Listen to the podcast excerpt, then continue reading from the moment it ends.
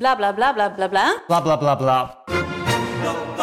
Idealen zijn prachtig, maar woorden verliezen betekenis als je niks doet. Dus laten we met z'n allen wat minder praten en meer doen. Bij Agmea zijn wij vast begonnen. Zo gaan wij voor minder verkeersslachtoffers, gezonde werknemers en duurzame woningen. Waar ga jij voor?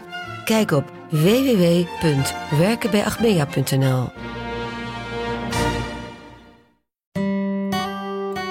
Hé, maar dit is een herkenningsmelodietje van een hele andere podcast, toch, Chris? Ja, dit is eh, de herkenningsmelodie van... Man met de microfoon. Precies, een podcast, Chris, zeg het maar. Ja, vol echte en bijna echte verhalen. En wat is er nu bijvoorbeeld de laatste tijd in Man met de microfoon te horen? Eh, nou, verhalen rondom het bijzondere project Een Grote Bruine Envelop en mini-romcoms. Dus luister naar Man met de microfoon.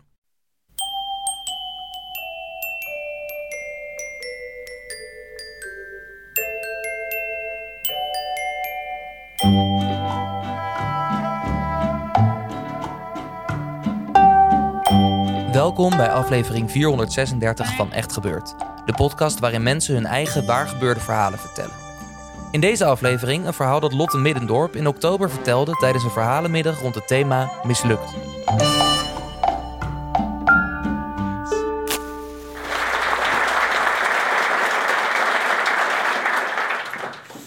Ik zat op een uh, vrij elitaire middelbare school. Uh, de elitaire leerlingen van die school die zullen dat niet per se uh, met mij eens zijn. Maar het feit dat er een rijtje Vespa's op het schoolplein stond.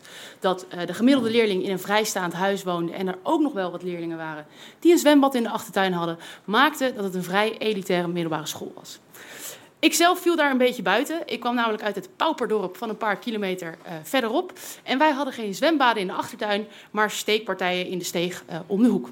Het was daar gewoon net iets minder gezellig. En op die middelbare school probeerde ik een zo onzichtbaar mogelijke leerling uh, te zijn, wat me ook redelijk goed uh, afging. En ik worstelde daar met allerlei puberproblemen. Ik worstelde met puistjes, met onzekerheid en met verliefdheid. Ik was namelijk verliefd op Anne. En ik vond dat moeilijk. Ik, ik worstelde daarmee. en ik ging naar mijn moeder en ik zei: Mam, elke keer als ik Anne zie, dan, dan voel ik me zo blij van binnen. Dan voel ik me zo gelukkig. En uh, wat is dat toch? Want het is zo anders dan wanneer ik Manon of Fleur zie. En mijn moeder keek me aan en die zei... Oh, dat gevoel, dat gaat vanzelf wel weer over. Dus ik was gerustgesteld en ik ging door uh, met mijn puberleven. Uh, en uiteindelijk ging ik na de middelbare school ging ik Nederlands studeren. Ik vond taal en alles wat je met taal kan bereiken, vond ik echt super vet. Dus ik ging Nederlands studeren. Met in mijn achterhoofd dat ik nooit, maar dan ook nooit in het onderwijs terecht zou komen. Want dat leek me echt de hel op aarde. Nou, ik heb de studie Nederlands uh, afgerond. Dan blijkt dat een van de weinige opties die je hebt uh, het onderwijs is. Dus besloot ik om ook nog eventjes communicatiewetenschap te studeren, zodat ik dat onderwijs nog eventjes kon vermijden. Dus ik heb communicatiewetenschap gestudeerd en ik kwam te werken bij een klein communicatiebureautje. Dat was de meest verschrikkelijke baan die ik ooit gehad heb. Ik zat van 9 tot 5 in een of ander bedompt kantoorpand. Zaten we tenenkrommende slogans te bedenken. Internal branding en, en purpose-driven. Dat waren allemaal woorden die ik elke dag hoorde. En we schreven papieren tijgers. Uh, adviesrapporten van meer dan 200 pagina's. die bij elk bedrijf sowieso in het onderste laadje uh, terecht zouden komen. En ik was al ontevreden. Ik was al vet gedesillusioneerd. En toen kwam er ook nog eens een systeem waarbij je per medewerker kon zien hoeveel geld zij die dag voor het bedrijf hadden binnengeharkt. Toen dacht ik echt, fuck deze shit, ik moet hier weg.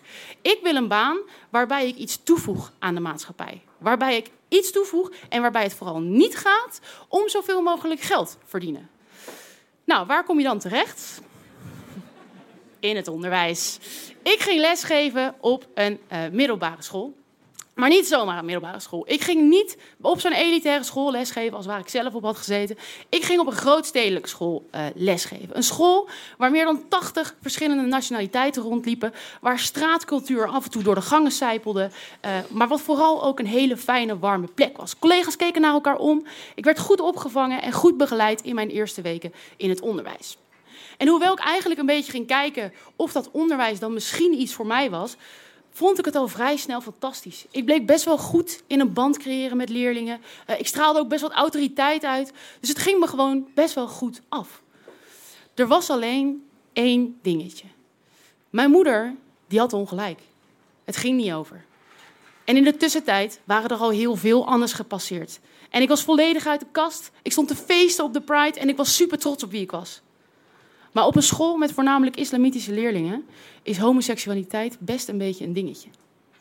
Dus ik was er niet zo happig op om aan mijn leerlingen te gaan vertellen dat ik op vrouwen viel.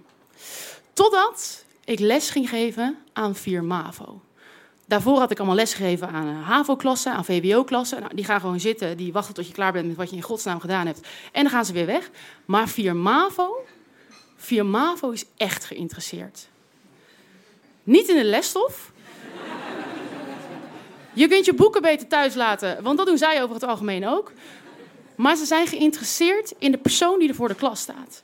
Dus elke les kreeg ik dan weer allerlei vragen, zoals: uh, Heeft u een man? Heeft u een vriend? Op wat voor mannen valt u dan? En mijn neef is nog vrijgezel. Als u een keertje wat wilt drinken, kan ik best voor u regelen. En normaal gesproken beantwoord ik die vragen altijd met nee, nee, ik heb geen man. Nee, nee, ik heb ook geen vriend. En nee, Mo, bedankt voor je neef, maar liever niet. En op een dag, ik zat er lekker in. Ik gaf ze al een paar maanden les. We hadden een goede klik. En ik dacht, fuck it. Als zij vandaag dat soort vragen gaan stellen, ga ik gewoon eerlijk zijn. Ga ik gewoon zeggen hoe het zit. Dus uh, op die dag, ik kom de klas binnen. Firmavo komt de klas binnen. Ik zeg, uh, pak jullie boeken erbij. Zij zeggen, dat hebben we niet. Ik zeg, dat dacht ik al. En we beginnen met de les. en al vrij snel gaat er een vinger omhoog. En het is Karim. En Karim die zit bovenop de apenrots. Karim heeft namelijk een paar maanden in de jeugdgevangenis gezeten. En dan kan je in Viamavo niet meer stuk. Dan zit jij bovenop de apenrots. En Karim die zegt... Mevrouw, op wat voor mannen valt u nou? Dus ik zeg, nou Karim. En ik denk, ja fuck, je hebt het aan jezelf beloofd. Nu moet je met de billen bloot. Nou Karim, ik val eigenlijk niet op mannen. En het wordt doodstil in Viamavo. En Karim kijkt me aan en ik zie dat hij een beetje verbaasd is. Hij snapt het niet helemaal. En hij zegt: uh, Op wat valt u dan? dus ik zeg: uh, Nou, Karim. ik val op vrouwen. En het wordt nog stiller in Viermavo. En iedereen kijkt naar Karim, want ze denken: wat vindt Karim? Want wat Karim vindt, vinden wij allemaal. En Karim kijkt me aan en die zegt: uh, Oh, vet. en er gaat een zucht van verlichting gaat er door via MAVO. En opeens krijg ik hele andere vragen. Heeft u dan ook een vriendin? En wanneer wist u dat dan? En houden uw ouders nu nog steeds van u? Belangrijke vraag. En uh, Mo die zegt, ah, nou snap ik waarom u niet met mijn neef op date wilde. Nou snap ik dat. En er is één jongen, Yusuf, Yusuf zit in het midden van de klas en Yusuf weet niet wat hem overkomt. Die denkt, what the fuck, deze vrouw geeft mij al een paar maanden les en nou blijkt ze opeens van de andere kant. Wat is dat, joh? En hij begint zich negatief te uiten tegen mij. En wat er dan in die klas gebeurt, dat is magisch, jongen. Heel die klas keert zich tegen Yusuf. Terwijl Yusuf zit normaal best wel hoog op de apenrots. Hoor. Je hebt Karim en daar vrij snel eronder is Yusuf. Maar Yusuf is helemaal nergens meer. Karim bijvoorbeeld, Karim die gaat staan en die zegt... Wat zit jij nou raar te doen? Zij valt gewoon op vrouwen. Dat is gewoon normaal. Dus. En Yusuf wordt een heel klein jongetje. Zo'n klein jongetje dat hij naar zijn mentor gaat. En dat hij zegt: Meneer, ik heb iets heel ergs gedaan bij mevrouw Middendorp. En ik wil het heel graag goed maken, maar ik weet niet hoe. En blijkbaar heeft hij een heel goed gesprek met zijn mentor. Want het uur daarna komt hij naar me toe en zegt hij: Mevrouw, volgens mij heb ik u gekwetst. Volgens mij heb ik iets heel ergs gedaan. En dat was nooit mijn bedoeling. Ik wil daar graag mijn excuses voor aanbieden. En ik zeg, tuurlijk Yusuf, wat tof dat je dat komt doen. Het spreekt echt voor je. En ik geef hem een hand. En ondertussen denk ik, oh shit, dit is die baan waar ik naar zocht. Dit is hoe ik kan bijdragen aan de maatschappij. Ik, ik zweef door dat lokaal, jongen. Ik voel me fantastisch. Ik denk, wat fuck, ik kan, dit kan ik blijven doen totdat ik 80 ben. Dit is werk dat ik wil. En Yusuf loopt het lokaal uit. En er botst iemand tegen zijn schouder die hem niet gezien heeft. En Yusuf draait zich om en hij zegt: hey, kankeromo, kan je niet uitkijken of zo? Misschien had ik de wereld niet veranderd. maar Yusuf, ik moet nog vaak aan hem denken, want hij voelde zich vooral gewoon zo onbegrepen. Het was gewoon een onbegrepen jongen. En dat jaar is het met hem ook niet meer goed gekomen. Hij uh, heeft een docent geslagen. Hij werd daarbij elke les wel een keertje uitgestuurd. En uiteindelijk uh, is hij ook van school getrapt. Yusuf en ik hadden ook best wel wat overeenkomsten. Weet je wel, uh, we worstelden allebei op de middelbare school. we vallen allebei op vrouwen. en ik, ik fantaseerde dan over dat op een dag dat Yusuf dan een mooie vrouw heeft, een lieve vrouw heeft. En dat hij dan thuis komt en dat hij dan zegt: Vrouw, ik voel me vooral gewoon zo onbegrepen. En dat zijn vrouw, die zit dan op de bank en die zegt: Kom even zitten. En die trekt hem dicht tegen zich aan. En dan zegt ze: Nou, dat gevoel, dat gaat vanzelf wel weer over.